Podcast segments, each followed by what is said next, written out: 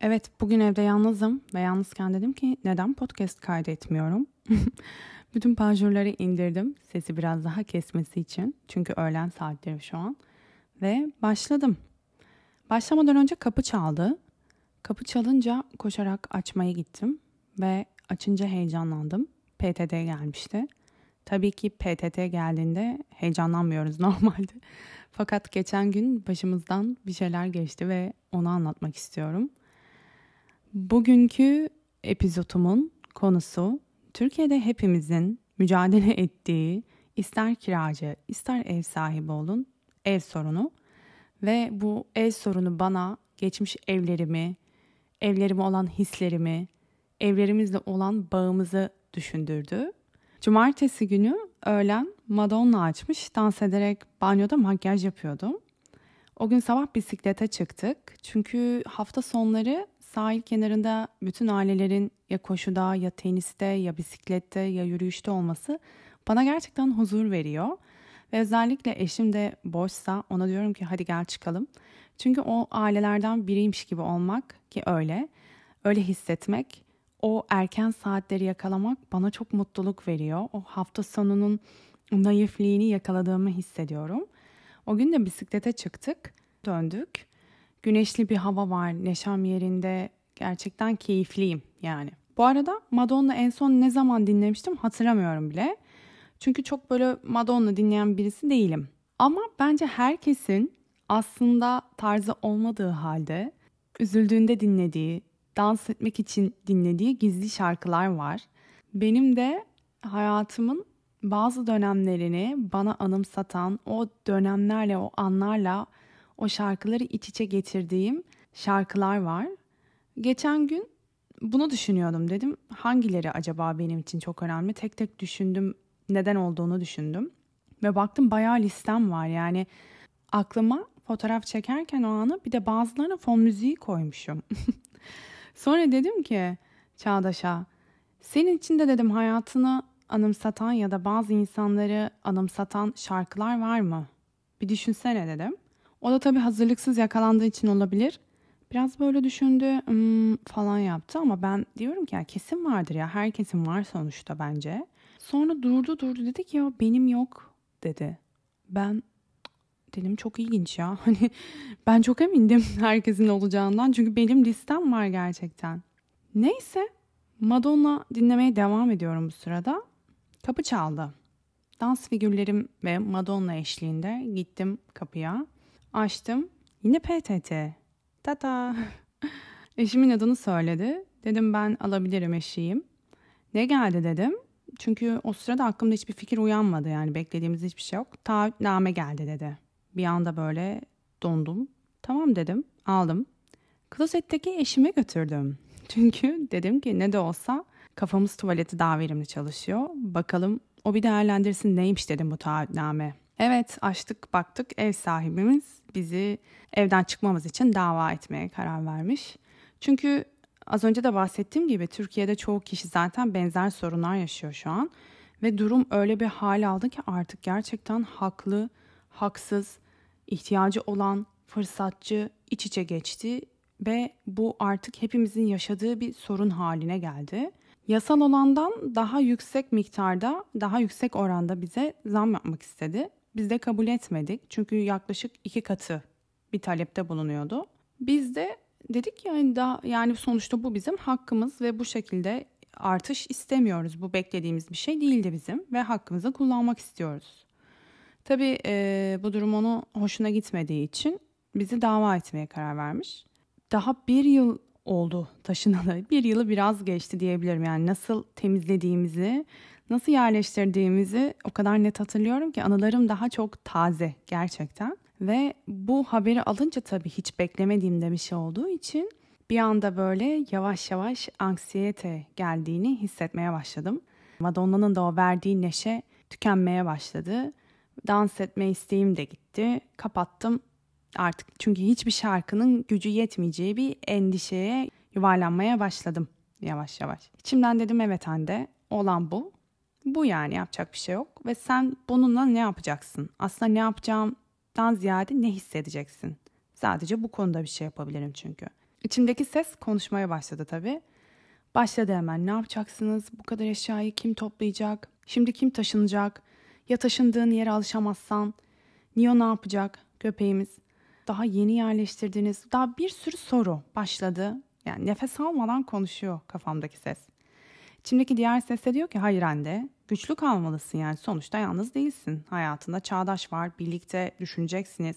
Yasal haklar var hemen paniğe kapılma. Ne olacaksa olacak zaten.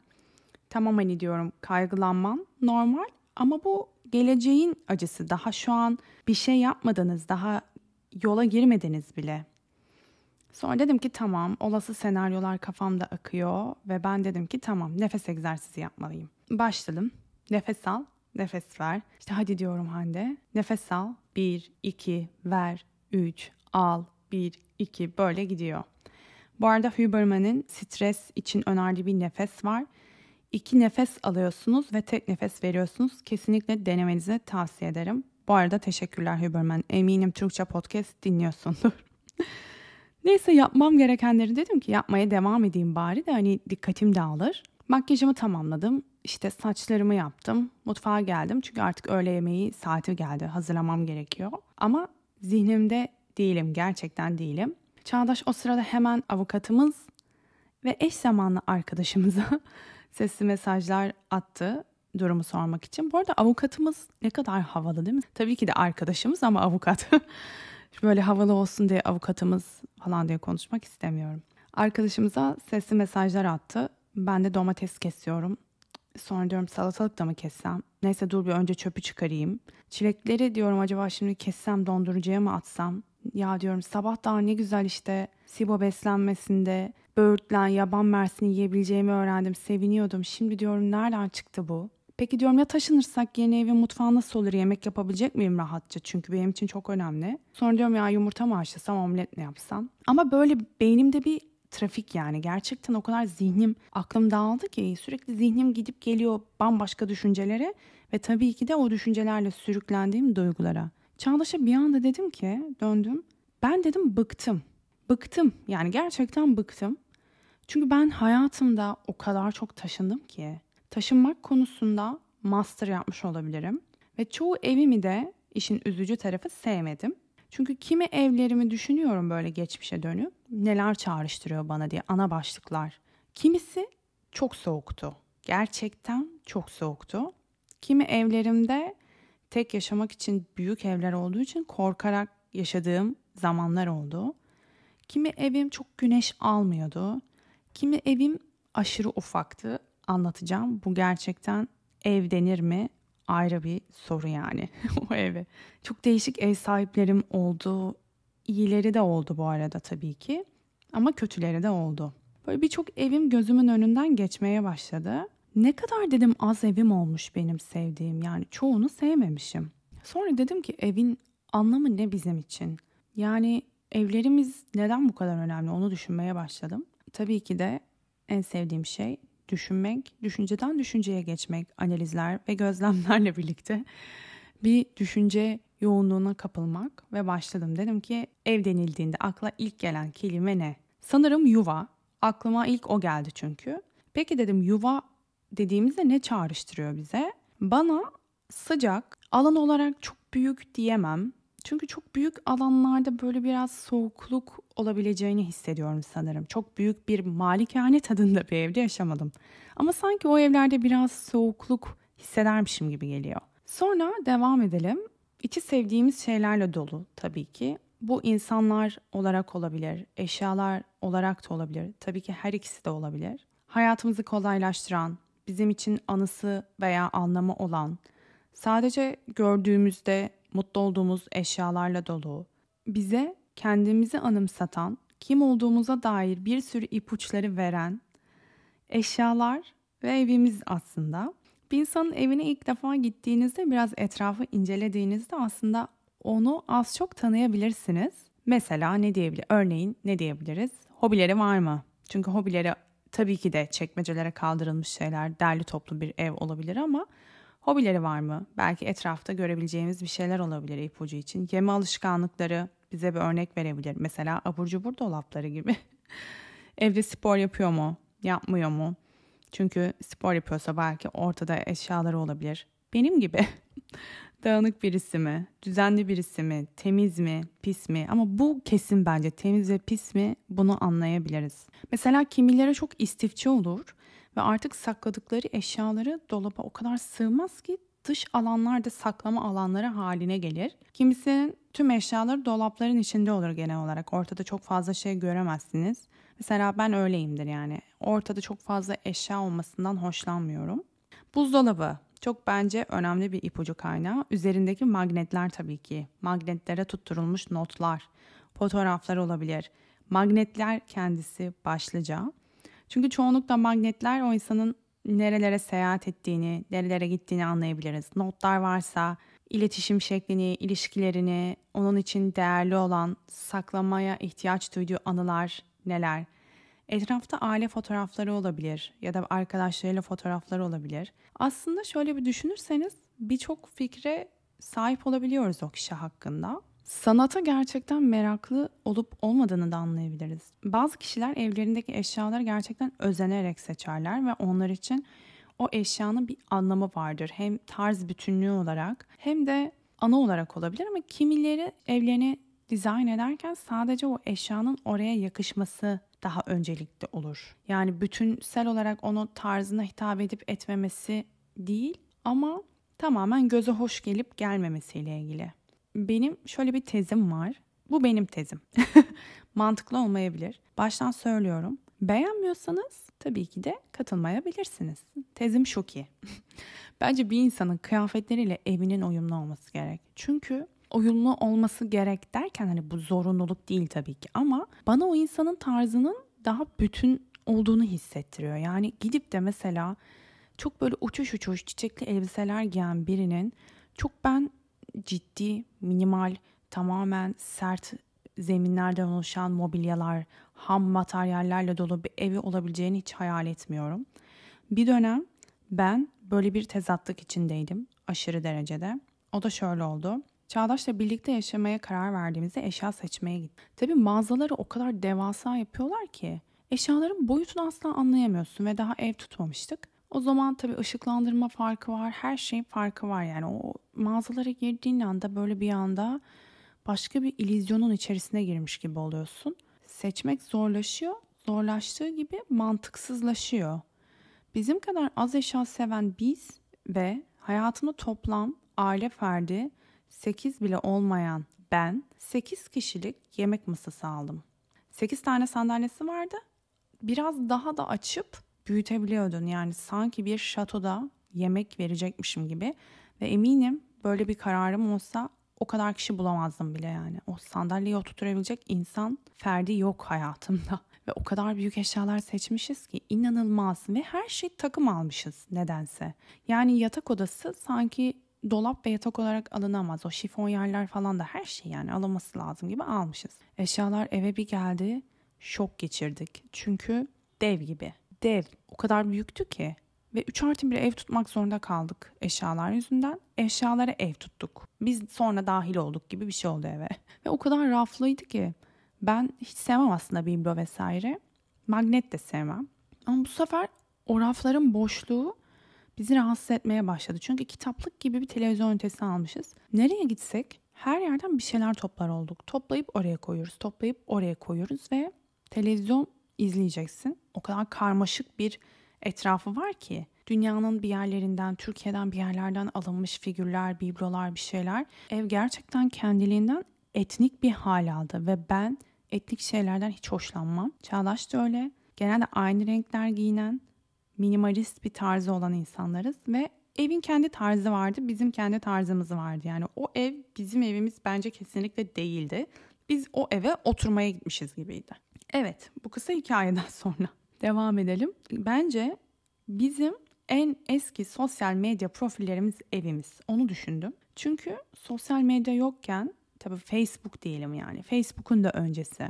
Asla ev sahibinin kendisinin oturmadığı, kirlenmesin, dağılmasın diye kapısının hep kapalı tutulduğu o top secret odalar var ya misafir odası adı altında en güzel eşyalar konulur. Tam olarak orası en eski Instagram profilimiz bence. Çünkü tıpkı orada Instagram'da olduğumuz gibi sadece misafirlerin görmesini istediğimiz eşyalarımız orada. En güzeller, en lüksler, en yeniler. Ve Instagram'da da öyle değil miyiz zaten yani çok eğleniyoruz. Hepimiz zenginiz, sürekli tatildeyiz, herkes fit. İşte sürekli arkadaşlarla dolu sosyal bir hayatımız var ve kimsenin dağınık çorap çekmeceleri, ödemesi gereken faturalar, süpürmesi gereken bir ev, yapması gereken market alışverişi yok. Evet, peki evlerimiz bize ne hissettiriyordu? Bence güven, huzur başlıca şeyler. Herkesten çünkü her şeyden kaçınıp sığınabildiğimiz yer. Tıpkı ergenliğimizde kaçtığımız odalar gibi aslında. Çünkü o odalar tamamen kendimiz olabildiğimiz tek yer aile evimizde. Çoğumuz adına konuşuyorum bu arada genelleme. Ve burada tek yer ve o böyle gizli bir dünyaya açılan bir kapı gibi ergenlik odası. Çünkü oraya giriyorsun dışarıda yapılması gereken ev rutinleri, ev işi hiçbir şey umurunda değil. Tamamen sen, çalışma masan, bilgisayarın, müziğin, köşe lamban, işte eşyaların. Orada sen ve senin sorunların var. Yani aslında ergenlikteki o odada izole oluyoruz ya evin dışı bile o kapının dışı bile sanki dış dünyaymış gibi. Sonra kendi evimiz olunca bence evimizin kapısının dışı dış dünya haline geliyor. Tamamen aslında kendimiz olabildiğimiz tek yer gerçekten evlerimiz ve en temel ihtiyaçlarımızı burada karşılıyoruz. Tabii ki de bunları açmaya gerek yok herhalde. ve hani bunları ihtiyaçlarımızı karşılarken hiçbir düşüncemiz, çekincemiz olmuyor sonuçta evimizdeyiz. Yani ev bence en büyük boy bir battaniye gibi ve o battaniyenin dışında kalan, geri kalan tüm dünya diyebiliriz. Aslında bir noktaya kadar bu ev bizim mi, kira mı, işte satın mı aldık hiçbir önemi yok. Çünkü yaşarken bence bunu hissetmiyoruz. Çünkü o evin içine girdiğimizde ve kendi eşyalarımızı koyup kendimiz haline getirdiğimizde o ev artık bizim evimiz oluyor. Bize biz gibi hissettiriyor yani. Burası benim evim. Sanki duvarlarıyla bile benim evimmiş gibi. Ta ki bir kapı çalması ve ev sahibinden gelen bir taahhütnameye kadar. Yani o taahhütname bana evime huzursuzluk bulaşmış gibi hissettirdi. Bir huzursuzluk hissettim. Kendi evimde yabancılık hissettim. Halbuki ev tabii ki bizim değil kira fakat o kadar benimsemişim ki kendi evime misafirmişim ve istenmeyen bir misafirmişim gibi hissettim. Böyle sanki hani tatlı diyelim hani çok heyecanlı bir işte bir şey yiyeceksin yani kapını çalmasını bekliyorsun. Tatlı bir geliyor altını bir çeviriyorsun küflü ya da yanlış gelmiş falan hani o yıkım var ya o yıkım işte hiç beklemediğin bir şeyden çıkan bir tatsızlık yani. Sonra eski evlerimi düşündüm. Evlerimi sanırım iki kategoriye ayırabilirim. Birinci kategori annemle birlikte yaşadıklarım. İkincisi ise tek başıma yaşadıklarım ki bu üniversite için İzmir'e taşınmamla başladı. Tabii ki lisede yalnız yaşamadım. Ya da ortaokulda şey diyormuş. Beşinci sınıfta başladığım yalnız evlerim. Evet ilk kategorimizden başlıyoruz. Annemle olanlar yani. Annemle birlikte yaşadığım evler sanki böyle çoğu iç içe geçmiş gibi. Hem aynı ev gibi hem farklı ev gibi. Yani sanki kimi evin odasını alıp başka bir evin odalarıyla birleştirmişler gibi. Yani gerçekten ayıramıyorum. Bir soyutlaşmış duvarlar orada. Çünkü biz böyle aynı sokak çevresinde çok fazla ev değiştirdik. O yüzden de ayırt edemiyorum. Yani bu ev o ev mi? O ev bu ev miydi? Bu evin odası o muydu? Oradaki odam bu muydu? Gibi gibi. Hatırladığım Samsun'daki ilk evimizde ilk aklıma gelen ve hiç unutamadığım ev sahibimizin çocuğunu titizlikten çamaşır suyu ile yıkadığını anlatmasıydı. İzmirliler için burada klorak diyorum ve devam ediyorum. Ve bunu ilk duyduğumda şok geçirmiştim. Çocuk olarak bile şok geçirmiştim. Çünkü bir çocuk bile çamaşır suyuyla çocuğunu yıkayamayacağını bilir. Dehşete kapılmıştım. Hiç unutamıyorum. O evimize bir de fare girmişti. Ve annem evin birçok yerine böyle yapışkanlı küçük kartonlardan koymuştu. Ve benim spor ayakkabısı şeklinde ev ayakkabılarım vardı böyle büyük büyük. Panduf mu deniyor onlara? Ev ayakkabısı yani işte artık tam adını bilmiyorum. Kesin ona da herkes başka bir şey söylüyordur. Klorak çamaşır suyu gibi. Neyse sürekli farenin yapışması için konulan bu kartonlara ben aylarca üstünden zıplamama rağmen atlamama rağmen bir şekilde hande olmamdan kaynaklı olduğunu düşünüyorum. Ben yapıştım. Yani fare hayatını yaşadı özgürce bizim evde. Çünkü o kartonlara ben istisnasız yapıştım. Artık yapışmaktan o ev ayakkabılarımın altı aşındı. Ve gerçekten onları çok seviyordum. Kocaman Böyle büyük sneakerlardandı. Benim büyük sneakerlara zaafım var kesinlikle. O evde yaşarken ben sokakta çok oynuyordum. Çok seviyordum yani. Gerçekten sokakta oynayarak büyüdüm. Sokağın hakkını verdim. Genelde erkeklerle oyunlar oynamayı seviyordum. Erkek oyunları sevdiğim için işte futbol. Ondan sonra saklambaç hiç sevmezdim. Ebe olunca strese giriyordum çünkü geriliyordum. Böyle aynı şeyleri hiç sevmem. Böyle bö falan yapılır ya öyle şeyleri. Ama boncuklu tabanca en favori oyunlarımdan biriydi. Ve bunu sadistçe oynuyormuşuz. Şu an konuşurken fark ediyorum. Herkes evine gidiyordu. Evinin balkonundan boncuklu tabancayla birbirimizi vurmaya çalışıyorduk. Tabii o kadar uzun mesafeden hedef tutturup da yani birinin canını acıtabilir miydik bilmiyorum ama hiçbir fikrim yok. Ama ben çocukken Lara Croft olmak istediğim için yani Tomb Raider olmak benim hayalimdi. Herhalde bu da antrenman şeklimde diye düşünüyorum. Yani bir taraftan da çok süslüydüm yani o da ilginç. Değişik bir kombinasyondum. Annemle yaşadığımız evler hep genelde ikimiz için büyük olan evlerdi. Çünkü o dönemler çok öyle bir artı bir tip evler yoktu. Ve evler büyük olduğu için o zaman doğalgaz da yoktu zaten. Ya da benim çevremdeki kimse de yoktu bilmiyorum. Çok soğuk oluyordu evlerimiz. Aşırı derecede soğuk oluyordu. Genelde o yüzden küçük bir televizyon hep mutfağa konuluyordu. Çünkü ancak küçük bir televizyonu koyabileceğin tezgah, yerler ya da mutfağa sığabilecek küçük masalar olduğu için küçük bir televizyon konurdu hep. Ve o şey yapay şömine görüntülü elektrik sobaları var ya onlardan olurdu bizim hep. Aslında o zamanlar böyle şu andaki gibi bir artı bir evler olsaydı muhtemelen öyle bir yerde yaşardık. Evlerimin çoğunda annemle olan yani birinci kategori evlerimin çoğunda dediğim gibi hatırladığım şey sular da çok soğuktu. Ve bu bilmiyorum sizin de yaşadığınız bir şey mi incecik akan duş başlıkları yani suyun gerçekten biri başınızdan bardakla döküyormuşçasına akan o duş başlıklarını ben unutamıyorum. Çünkü o nasıl bir şeyse duş alırken sadece üçte birinize su geldiği için geri kalan vücudunuzun üçte ikisi donuyor. O yüzden eşit sürelerle çok oyalanmadan vücudunuzda yer değiştirerek eşit ısıyı yakalamanız lazım. Ki zaten saçı köpürtmek ve durulamak o kadar uzun sürüyor ki o incecik suyla. Üşürken aynı anda bir tarafınız sıcak böyle çok konforsuz çok çirkin bir şey gerçekten. Ve o bulaşık makinesiz günler ve elde yıkanan bulaşıklar. Bulaşık yıkarken artık kanının donması. Yüzünü yıkarken yüzünün donması buz gibi. Samsun'daki sular buz gibiydi. Onu hatırlıyorum.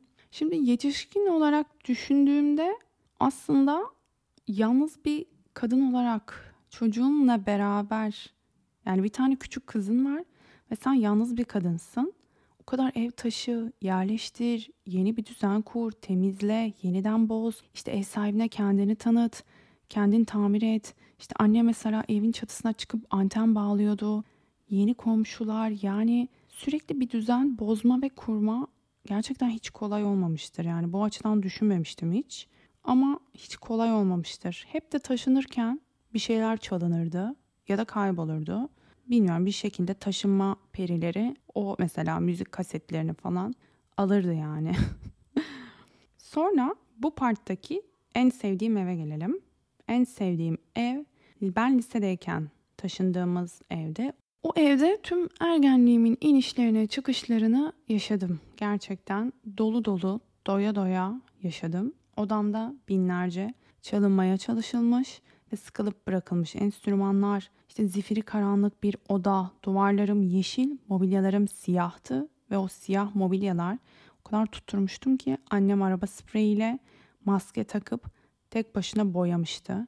Ve odamdaki pencere gerçekten size büyüklüğü ne kadar diyeyim. Hani apartman boşluğuna bakan odalar var ya o kadar dar bir pencerede olduğu bir odaydı burası. Odamda tabii ki de bir bilgisayar. O bilgisayardan sürekli rock müzik çalıyor. İşte o dönemde sevdiklerim. Sabaha kadar müzikle uyuyorum.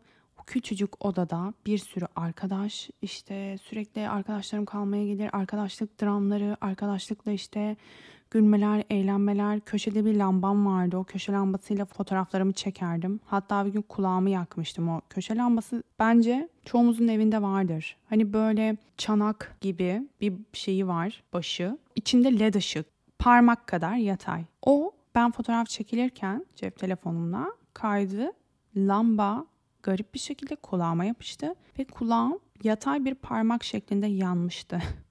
Ama fotoğraf çekmekten ve çekilmekten hiç vazgeçmedim. Bu odamı hiç unutmuyorum o yüzden dediğim gibi. Çünkü birçok hobimin zemini burada atıldı. Burada dikiş dikmeye de burada başlamıştım. Çarşaflardan, yastık kılıflarından kendim elimle ortasını kesiyordum. Düğme dikiyordum, bluz yapıyordum, bir şeyler yapıyordum. İşte dediğim gibi fotoğraf, enstrüman. Şu an hiçbir enstrüman çalamıyorum. O sabır bende yok. Ama en azından hakkını vererek denedim. Yani hakkını verebilecek kadar çok farklı enstrüman denedim. Ve buna yeteneğim olmadığını onayladım gerçekten. Kesinlikle aksini iddia edemeyeceğini düşünüyorum. Beni tanıyan birinin enstrüman çalma yeteneğim konusunda. Bu evde ben üniversiteye gidene kadar kaldık. Sonra bu evde her yaz saçlarım renkten renge boyandı. Her yaz piercing yaptırdım. Okul başlarken çıkarıp attım. Bu acıya da nasıl katlanılır, neden katlanılır 3 ay için bilmiyorum. Ama işte ergenlik gerçekten. Ve bu zindan gibi odada o kadar çok anı biriktirdim ve öyle çok anım vardı ki üniversiteye kadar da burada yaşadık. Ayrılırken bu adam için gerçekten çok ağlamıştım. Çünkü hayatımın çok yoğun hislerle yaşadığım bir dönemine geçirdiğim bir ev oldu ve aralıksız bu evde yaşadık. Bir de bu odam çok küçüktü. O yüzden çabuk ısınıyordu. Muhtemelen ilk sıcak ev kategorimi koyduğum için de yeri ayrı olabilir. Sonra geldik ikinci kategorimize. Benim üniversite için İzmir'e taşınmamla birlikte yaşadığım evler. Gerçekten korkunç, korkunç bir serüvendi diyebilirim. Güzel sanatlarda okudum. Garip bir şekilde İzmir'de güzel sanatlarda okuyan çoğu insan yani benim tanıyabileceğim bölümümde işte ortak ders aldığım bölümlerde herkes aile evinde yaşıyordu. Sanki bir grup insan liseden çıkıp direkt üniversiteye girmiş gibiydi ve ev arkadaşı arayan, ev arkadaşına ihtiyacı olan gerçekten yoktu. Sonra dedim ki bu iş böyle olmaz. Tabii o zaman bütçem de yani o kadar sınırlı ki. İlk evim o yüzden eski bir tüpçü deposu olan bir evdi. Yani şöyle apartmana giriyorsunuz. Apartmanın girişinin hemen sağında depo halinde küçücük bir yer. Bu şey bile olabilir hani apartmanların böyle fazla eşyalarını koyduğu bir yer olur ya boş. Hani o kadar tuhaf bir evat yani daire diyemezsin. Dükkan değil zaten öyle bir şey yok, camı yok. Tüpçü deposuymuş. Ben dedim ki tamam. Ve verdiğim kirayı apartman aidatı gibi yani şey veriyorum. Apartmanın yöneticisine bir tane şey vardı. Pencere Yine lisedeki odamın penceresi kadar minnacık. Koridor gibi bir mutfak. Mutfakta zaten pencere yok. Ve bir o oda, oda denir mi artık bilmiyorum. Ve mutfağı ayıran panel, banyo. Buna da banyo demek gerçekten yani zor ama o evin banyosu diyebilirim. Klozet, lavabo ve kenara iliştirilmiş bir duş başlığı. Duş alanı yok. Gerçekten şu andaki yemek masam galiba ki küçük bir masa o banyo kadar. O kadar. Bu ev benim ilk evimde ve depo olduğu için duş aldıktan sonra yıkandığım su gider yani gider hesaplanmamış da böyle bir eğim verilmediği için banyonun zemininde birikiyor ve o suyu paraşla süpürerek klozete sürekli böyle o küreye toplayıp toplayıp dökmek zorunda kalıyordum. Duş alırken zaten kollarınızı falan öyle çok açamazsınız yani duvara çarpıyorsunuz. O kadar küçük bir köşe alan ki ve o şartlarda duş alıyordum ve duş almak benim için vazgeçilmezdir gerçekten. Çok küçük bir kıyafet dolabım vardı. O yüzden çok az kıyafetim vardı. Mutfakta piknik tüpüm vardı sadece. Piknik tüpünün üzerine işte ancak piknik tüpüne konulabilecek bir tavan vardı. Bir tane tava. Ve işte iki plastik gibi hani plastiğimsi diyebilirim tabak, bir kaşık, bir çatal sadece bana yetebilir. Zaten evde oksijen kalmaz yani 2-3 kişi daha gelse. Ki ona rağmen çok arkadaşım geldi. İki tane tek kişilik yatağım vardı üst üste koymuştum. Ben öyle yatıyordum arkadaşlarım geldiğinde yer yatağı yapıyorduk. Kızlar gecesi yapıyorduk o şekilde 3 kişi. o evde bayağı yaşadım. Yemek pişiremedim tabii hiç. O yüzden daha böyle dışarıda yiyordum ya da işte eve kolay alınabilir bisküvi yok işte cornflakes tarzı. Fakat bir kez canım çok gözleme çekti ve o zaman gözleme çok severdim. Annem yaptığı için olabilir. Dedim ki gözleme yapacağım. Annemi aradım tarifler alındı falan. Piknik tüpü açıldı. Tava konuldu. Tabii yufkayı katlıyorum, katlıyorum, katlıyorum, katlıyorum. Yani o kadar küçük bir tava ki yufkanın içine sığabilmesi için bayağı katladım. Artık o kadar katlamıştım ki içi pişmedi. Dışı pişti. Dedim ki Aa, kesin oldu. Müthiş. Su böreği gibi oldu. İçi oldukça katlı. Yedim ama. Yani sonuçta yufka çiğ bile yeniliyor. Niye olmasın? Sonuçta ben yapmıştım yani. Benim için çok büyük bir adımdı o. Daha üniversite birdeyim. İlk pişirdiğim yemeklerden birisi sanırım. Bu evde bayağı yaşadım ama bu evde en unutamadığım anı o dönem İzmir'de bir seri katil çıkmıştı ve ben çok korkuyordum. Çünkü yani apartmanın girişinin yanında direkt benim pencerem var. Tamam demir parmaklık var ama birisi böyle taş atsa direkt böyle benim yatağımda kafamı falan elleyebilir yani başımı okşayabilir yani. Hani iyi geceler diye saçımı falan okşayıp geçebilir yani apartmana. Çok korkuyordum sürekli ve yatağın yerini değiştirebileceğim bir alan yoktu. Çok dikdörtgendi. Hani başımı başka bir tarafa vereyim diyemiyordum ve o kadar tedirgin oluyordum ki o camı biri kıracak diye. Seri katil bulunana kadar gerçekten uyuyamadım. Neden bir arkadaşıma gidip kalmadım bilmiyorum. Genelde herhalde sevmediğim için olabilir kimseye yatıya gitmeyi. Ama bu evde en unutamadığım anı bu. Sonrasında sevdiğim bir evim oldu. Burada da yine güzel yalıdaydı. Salon Salomanje tipi bir evdi. Bu evi çok seviyordum. Fakat bu evin salomanje tarafına ben oda yapmıştım. Arka taraf bir bahçeye bakıyordu. Portakal ağacı vardı hatta ve korkuyordum o yüzden. Çünkü o kadar karanlıktı ki ikinci kattı. Yani biri gerçekten tırmanıp hop diye evime girebilir gibi geliyordu. Camlar çünkü pimapen değildi. Öyle hatırlıyorum ahşap camlardan da hani böyle yağlı boyalı ahşap. Ve demir parmaklık da yoktu yapılmamış. İyi hırsız girmedi gerçekten şu an düşünüyorum. Yani tam böyle hani hırsız merhaba hoş geldin ben de seni bekliyordum der gibi yani kadar kolay girilebilecek bir ev ki ve tabii tek yaşadığım için arka tarafın ışıkları hep kapalı oluyordu. Bazen böyle en ufak sese uyanıp tedirgin oluyordum çok. Hatta bilgisayarı açık bırakıp uyuyordum ya da işte bir şey açıp televizyonla birlikte uyuyordum genelde tedirgin olduğum için. O evi çok seviyordum fakat o ev benim için çok büyüktü. Yani o evin yarısı olmasa ben daha az korkarak yaşardım ve o evde çok soğuktu gerçekten. Bir seferde de sümüklü böcekler istila etmişti mutfağımı. O da çok kötüydü. Ama o evde çok keyifle yaşadım çünkü çok güzel bir sokağa bakıyordu yemyeşil. Ve sabaha kadar oturuyordum öyle camları açıp. Camlar katlanılır açılanlardandı. Güneşin doğuşunu izliyordum o gün doğumundan önceki o saatleri çok severim. Bu evde unutamadığım evlerden birisi gerçekten İzmir için. Sonrasında çok ev değiştirdim. Yani sadece en unutamadıklarımı anlatıyorum. Çünkü bunu anlatmaya kalkarsam saatlerce sürecek bir podcast olabilir bu. Bir tane evim vardı. Ne zaman duşuna girsem şohben sigortası atıyordu ve aşağıdan. Ve alt katta tek başına yaşayan bir adam vardı. Tedirgin oluyordum o yüzden biraz. Çünkü tam duşun ortasındayken sigorta atıyordu. Ve onun için aşağıya giyinip inip sigortayı açıp geri yukarıya çıkmam gerekiyordu. Bu eve de 10 gün falan dayanabildim herhalde. Yani 15 günde olabilir. Çünkü duş alırken sürekli sigortanın atması kadar korkunç bir şey yok. Ve sıcak olmayan bir evde ve buz gibi bir hava. Çok kötü. Soğuk evden daha da kötüydü bu. Sonra tabii üniversitedeki bayağı böyle bu sefalet anıları oradan oraya taşınmalarla birlikte bir de bir kez ev arkadaşı denedim. Bir, birinin yanına taşındım. Bir gece kalabildim. Ev arkadaşlarının bana göre olmadığını bir gecede karar verdim.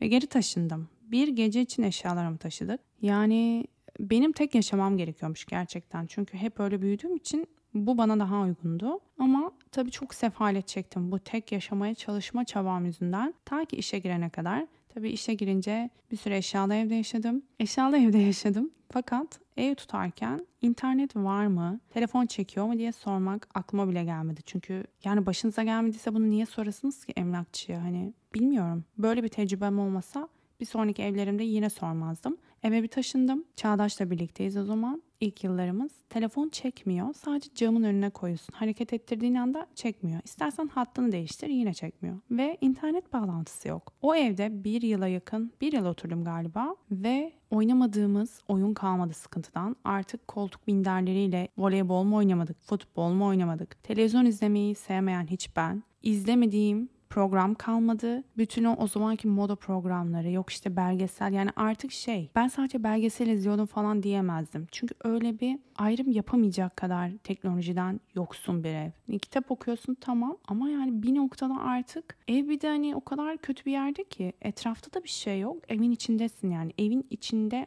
olmaktan başka bir çaren yok. Ve o evde telefon çekmiyor, internet yok. O yüzden seçme şansım bile olamayacak kadar kısıtlı bir yaşam alanı içinde bütün televizyon programlarını o yıl izledim. Evet, buradan sonra artık evde yükselişe geçtim. Neyse ki. Sonra Çağdaş'ta kendi eşyalarımızı aldık. Ona göre bir ev tuttuk ve benim için rekor süredir ki 6 yıl bir evde yaşadık gerçekten şu andaki evimize kadar. Taşınca çok üzüleceğimi zannetmiştim ama dağın başında olduğu için o ulaşım sorunu beni o kadar bıktırmış ki evet özledim ama hani o kadar da değilmiş dedim. Ama tabii ki çok güzel anılarım var. Sonuç olarak evlerimiz bizim için çok farklı gerçekten ya. Yani hepsini içinde yeniden baştan bir düzen kuruyoruz. Bazen aynı eşyalarla, bazen yeni eşyalarla. O sıfırdan kurduğumuz düzen içinde yeni bir hayat başlatıyoruz. Önce biraz yadırgıyoruz. Sonra vazgeçilmez bir yer oluyor bizim için. Bizi dünyanın kalanından koruyup kollayan, sığındığımız yer oluyor. Bazen sınırlarımızı da zorlayan zorluklar çıkarıyor. Ama evler bizim için çok kıymetli gerçekten. Evlerin önemi gerçekten çok büyük. Evet, yoruldum. O yüzden burada bitiriyorum. Beni dinlediğiniz için teşekkür ediyorum. Bir sonraki episodda görüşmek üzere.